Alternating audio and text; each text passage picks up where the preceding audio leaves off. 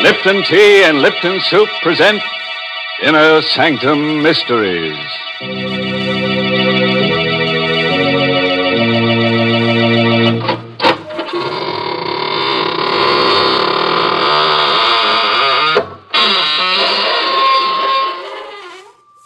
Come on in, friends. Into the inner sanctum.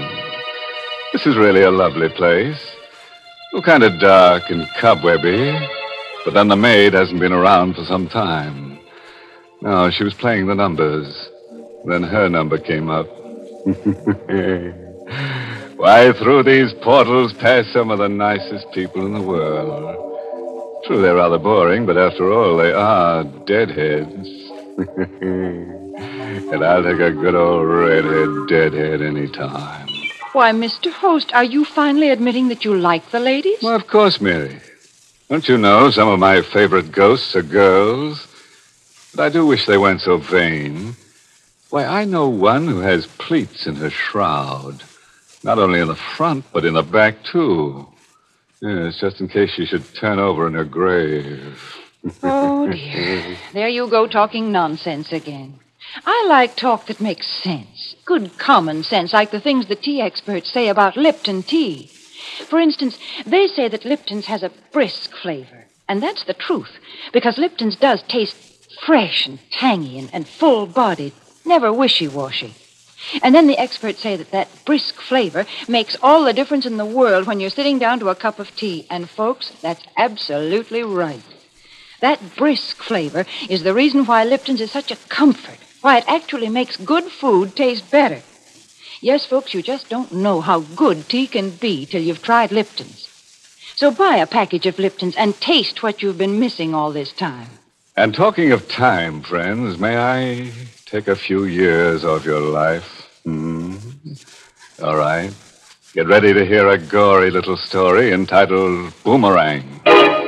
It's an original radio play written by a couple of Australian bushmen named Michael Sklar and Richard Manoff, and stars Martin Gabel in the role of John Keeler. So, hitch up your chair, switch off the lights, and look out. Help, help me.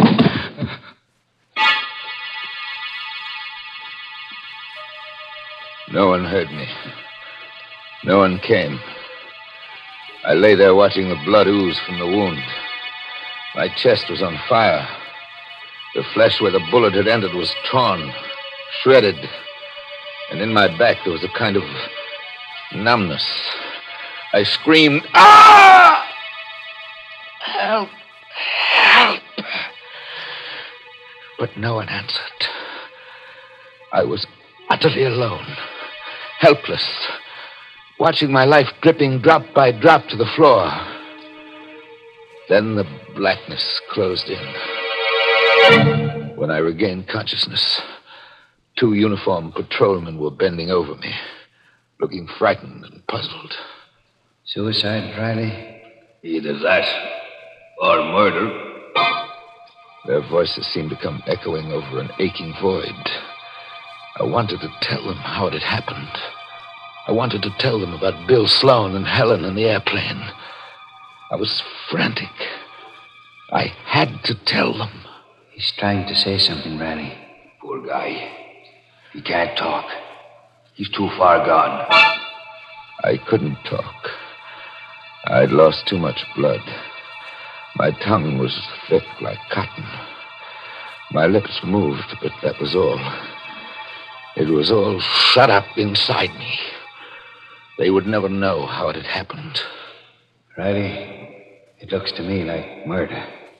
Murder, yes, it was murder.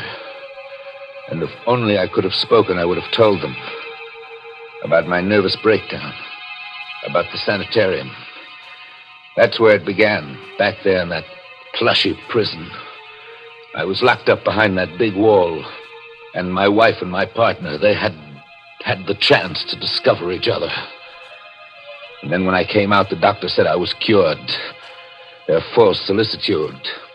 And all the while, suspicion was building up inside me. I was already suspicious that day. I caught them by surprise. I'd come directly home from my regular visit to the psychiatrist instead of returning to the office. Bill was there in the living room with Helen, my partner and my wife, laughing together. I closed the front door silently. The rugs muffled my footsteps. I entered the room suddenly, wanting to see their faces when they saw me. Oh, what, what, darling? Hello, Helen. Why, John, how did you happen to come home in mid afternoon? Why aren't you at the office? I was thinking of asking you that question. Bill made some flimsy excuse, but I caught the look of guilt on his face. He was a bachelor, smooth with words, successful with women. And I was beginning to believe he had succeeded with my wife. Oh, I had evidence. There was the time a few nights later. Helen and I were going up to bed. As we passed the umbrella stand at the foot of the stairs, I noticed something. Helen, hmm? just a moment. This umbrella, it's Bill's. Oh, is it? Yes, it is. What's doing here? Well, he must have forgotten it when he was over the other day. Take it down to the office in the morning, will you, darling? I made no reply. We continued up the stairs and went to bed. I waited until Helen was asleep, then crept out of bed and down the stairs. There was the umbrella. I reached out my hand, afraid to touch it, but I had to. The umbrella was still wet. It had rained that afternoon. I said nothing about it the next morning. Oh, I was suspicious enough. But I told myself I had to be absolutely sure. And then, that next night, it happened. Helen went out after dinner saying she had an appointment with her hairdresser. As the door closed behind her, I picked up the phone and dialed the number. Hello? Crescent Beauty Salon? Alberta, this is Mr. John Keeler. I'm calling for my wife to verify her appointment for this evening. Mrs. Keeler? But, monsieur, she has no appointment for this evening. Now, I was sure. Bill and Helen were together. I struggled to control my emotions. My head was whirling. I felt ill, weak. My heart was pounding in my chest. The room began to spin. First the floor lamp, then the chairs, finally the table, whirling around my head. I needed air, air. I forced myself out of my seat, stumbled across the floor to the window, and threw it open. The stars, too, were spinning, chasing each other in a mad race across the sky. I sucked the fresh air into my lungs, and slowly the stars resumed their normal positions. I drew my head back into the room, and then it struck me across the nostrils. Gas. The room was full of gas. Yes, I found one gas jet open in the kitchen stove. I fought against the logical conclusion, struggled against it all that night and into the next day. But I could no longer stand it by mid afternoon. That open gas jet last night had been no accident. They were planning to have me put out of the way. Well, two could play at that game. I also could commit murder.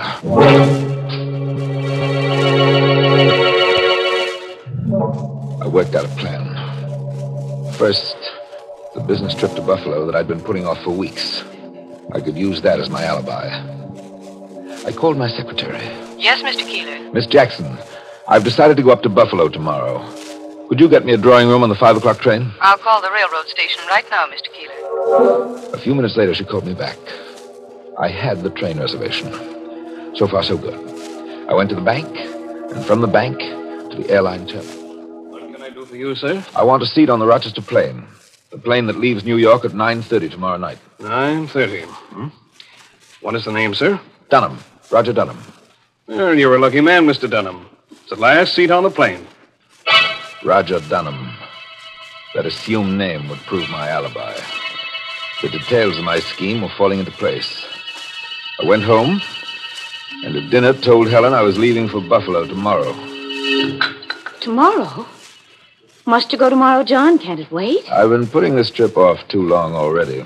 I'll leave straight from the office and come home the next afternoon. Well, you're being a little inconsiderate. I'll be all alone here overnight. Oh, come, Helen. You're not afraid of anything, are you? Afraid? No, but Well, I'll I... tell you what I'll do. I'll ask Bill to come over and keep you company tomorrow night. How'll that be? Why. Why, that'll be fine. Another cog in place. Another gear meshed. Now one last piece to move, and the engine of my revenge would be complete. Yes, it was revenge now. Revenge for what those two had done to me. Buffalo, eh? It's a good idea, John. The way your trip could combine business with pleasure. Pleasure? You've been rather tense lately. The change of the scene will do you worlds of good. I'm sure it will. How about Helen? Can you make it tonight? Tonight? Yes, yes. Uh, I'll be over after dinner. That day passed like a dream. With me, the sleepwalker in the center, going through all the motions correctly, but waiting for the evening. For I wasn't hunted now. Now I was the hunter. A little past four o'clock that afternoon, I left the office and took a cab to the station. I went directly to my drawing room, and as the train pulled out, I called for the porter. At midnight, sir? Just a glass of milk, porter, warm milk.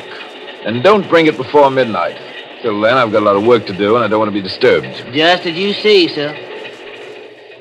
I gave the porter an unnecessarily large tip to make sure he'd remember me.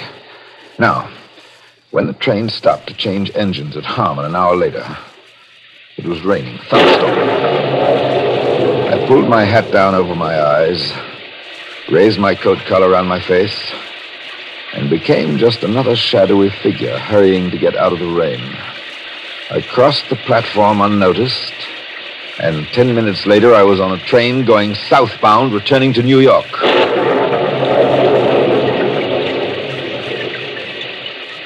I picked up my car at the parking lot and drove out to my house on the cliff. Parking on a side road, I climbed up the hill on foot. By now the rain was coming down in sheets. Lightning split the sky and thunder crashed around me. I could see the light from my house perched at the edge of the cliff. Now, Bill's car was parked on the driveway, pointed downhill. Light came from the living room. I crept through the shrubbery to a window. There they were, Bill and Helen. My partner and my wife, sitting side by side on the divan. He drinking my whiskey, comfortable and warm, while I, the unwanted, was standing outside in the storm. How I hated him at that moment. I went back to Bill's car, crept beneath it, and went to work. The sound of the storm covered the noise of my tools as I disconnected the brakes. And I was finished.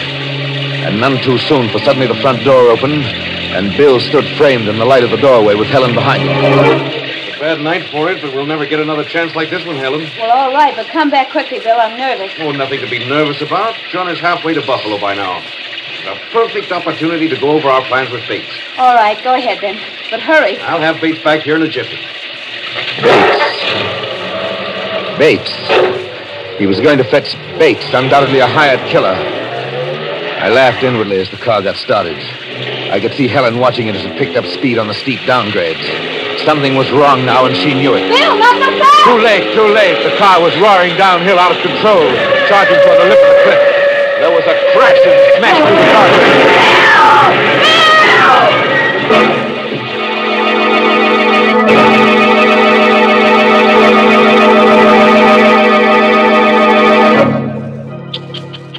Oh, poor Bill.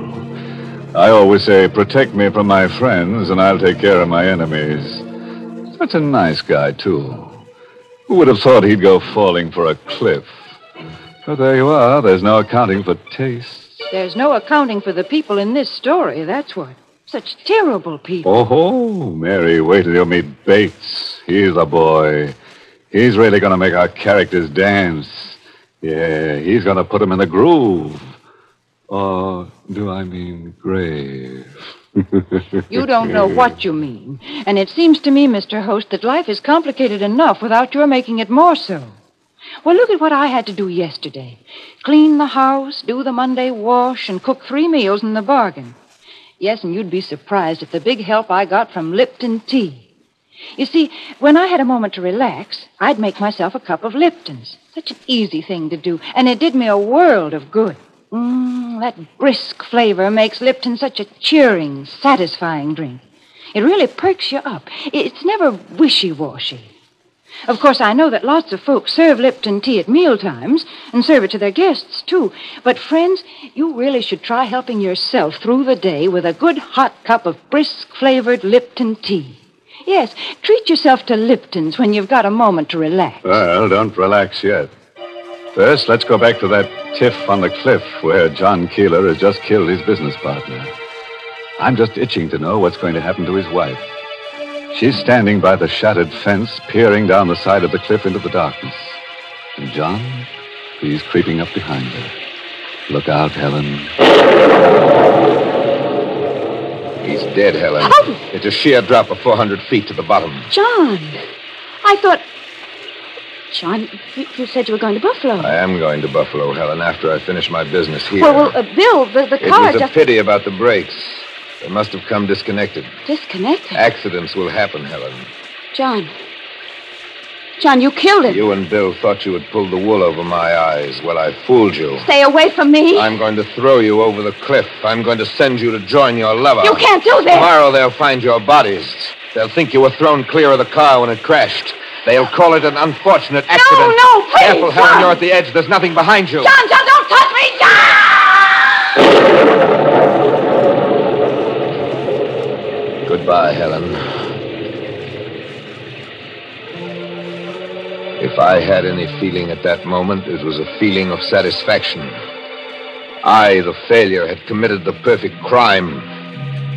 My scheme was flawless. I walked down the hill to my car, changed my clothes, and drove to the airport. As Roger Dunham, I boarded the plane for Rochester at 9.30 that night. Just as I'd planned it, we arrived at that city well ahead of my train. I was waiting when the long line of sleeping cars pulled in at the Rochester station platform. I boarded the train. My drawing room was just as I had left it at Harmon. I sank down in a seat, removed my coat and shoes. I looked at my watch. It was midnight. Uh, come in. Uh, beg pardon, sir. It's midnight, sir. Oh, midnight? Really? Oh, thanks for bringing the milk. It's lukewarm, sir, just like you asked for it. Thank you, Porter.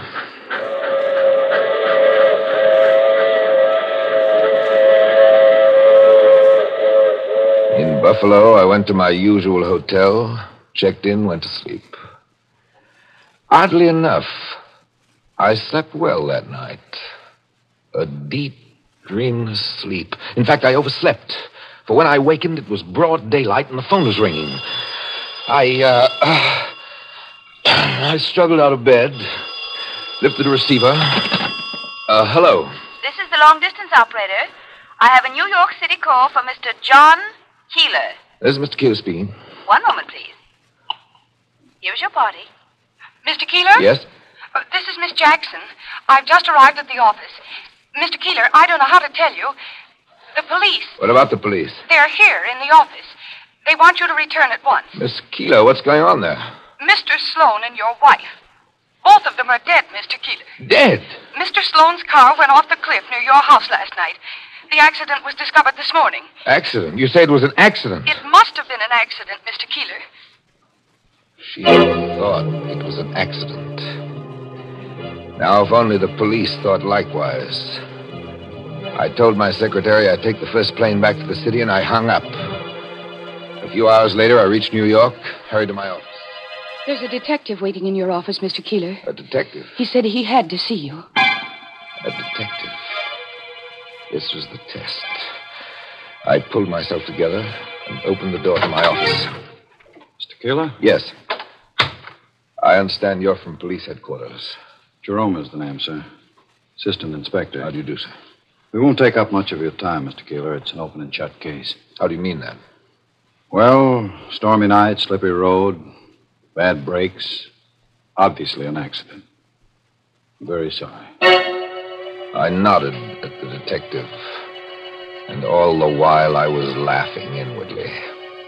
He sat there, the very symbol of the law, and offered me official sympathy. No question of clues, nothing overlooked, nothing to fear. Not now. I, the weakling, had committed the perfect crime. Yes, Miss Jackson. Mr. Keeler, there's a man out here to see you. Send him away. He won't go. He says you don't know him, but it's extremely important. What's his name? His name is Bates, Mr. Keeler. William Bates. Bates. The hired killer.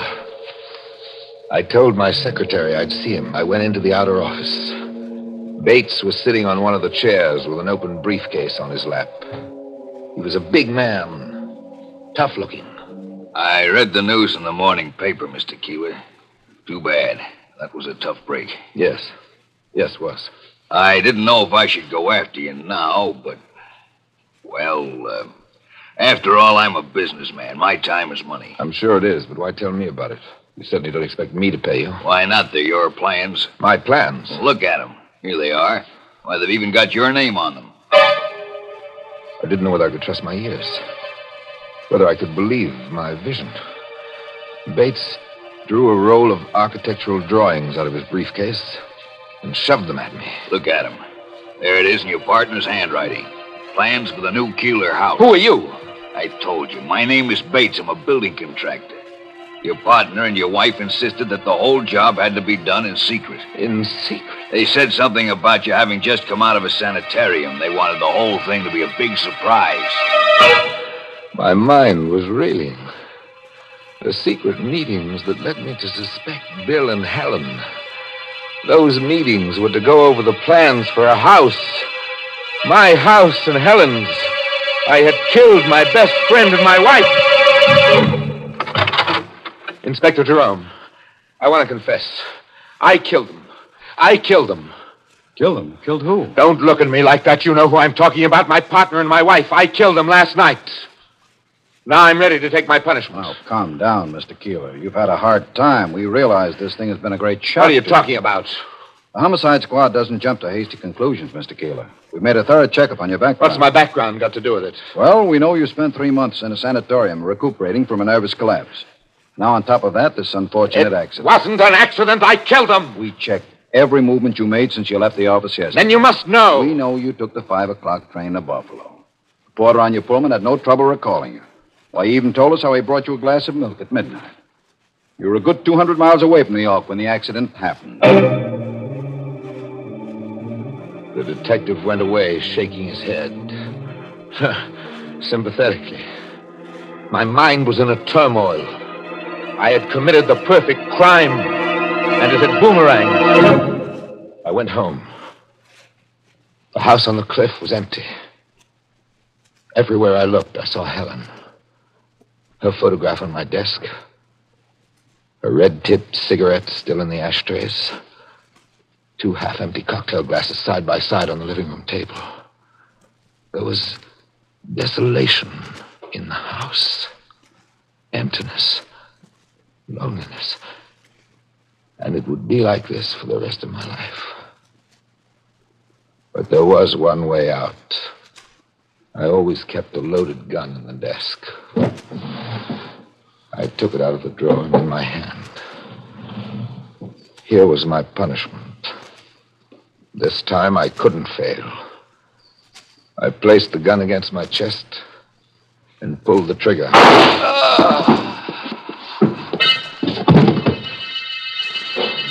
I fell by the desk and lay there, where I am now, staining the carpet with my blood. I was dying, and I was glad of it. And then I remembered the plane, the plane reservation to Rochester. I could tell the police when they came, and they could check that, and they would know that I was guilty. But they came too late. They bent over me. I tried to tell them. I tried. I tried. Riley, he's trying to say something. Yeah. Poor guy. He's too far gone to talk. Now I'm lying here on the carpet, waiting to die, with my guilt locked up inside me.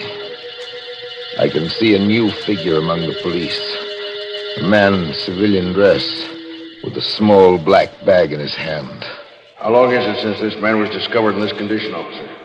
About half an hour, Doc. He's in very bad shape. Will he live, Doc? Will he recover? Oh, yes. He may recover, but only partially. Partially? How do you mean, Doc? Notice his inability to move so much as a finger. Notice how only his lips move, trying to form words without being able to speak. The bullet must have injured his spinal cord. This man is paralyzed. Totally paralyzed. So now I know. I'm paralyzed. I'm not going to die. And yet I can see the policemen moving carefully about the room. And I hear them speaking softly as one speaks in the presence of the dead. So I've failed again. For the last time. Because I know my fate now. To live in this living death. Alone with my guilt. Forever. That is my punishment.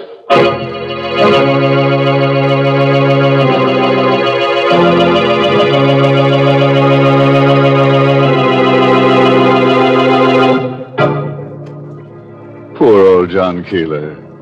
Who would have thought his spinal cord could have tied him up in knots? Not so nice for John. Hmm? he started out as a keeler, tried to be a keeler dealer, but got all wound up. Mr. Host, let's forget about that awful story because there's something really important I'd like to talk about. The makers of Lipton tea and Lipton soup want me to remind all you folks of a debt that must be paid to our servicemen. A debt that can be paid in part by buying and continuing to buy victory bonds. You know, I think the best reason for buying bonds was given many, many years ago by one of the great statesmen of all time, by Abraham Lincoln, when he said, Let us strive to finish the work we are in, to bind up the nation's wounds, to care for him who shall have borne the battle, and for his widow and his orphan, to do all which may achieve and cherish a just and lasting peace among ourselves and with all nations. Yes, folks, that's just what we're helping to do when we invest in victory bonds. So keep on buying all that you can, won't you?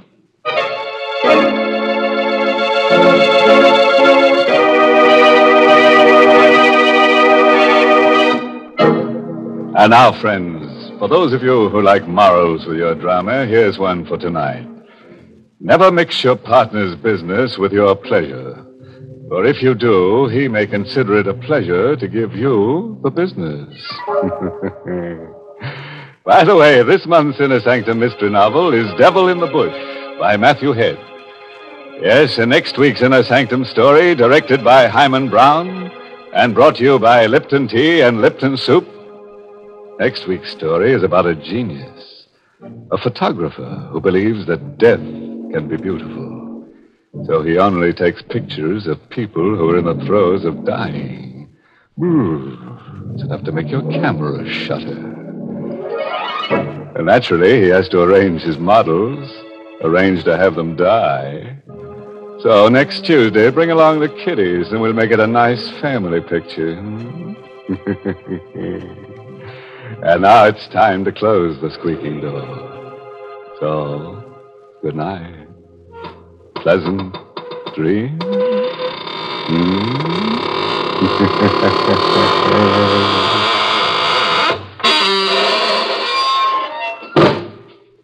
Folks, cold weather and hot soup just seem to go together. And Lipton's noodle soup is the soup of the season. Yes, Lipton's is blessed with a fine chickeny flavor, and it has real fresh cooked goodness. Mmm, it tastes just like the chicken noodle soup you'd make right in your own kitchen. The only difference is that Lipton's takes almost no time at all to prepare. So if your family likes chickeny tasting soup that's brimming with tender golden egg noodles, then don't forget to ask for Lipton's Noodle Soup. Yes, friends, and don't forget to tune in next week for another Inner Sanctum Mystery. This is CBS, the Columbia Broadcasting System.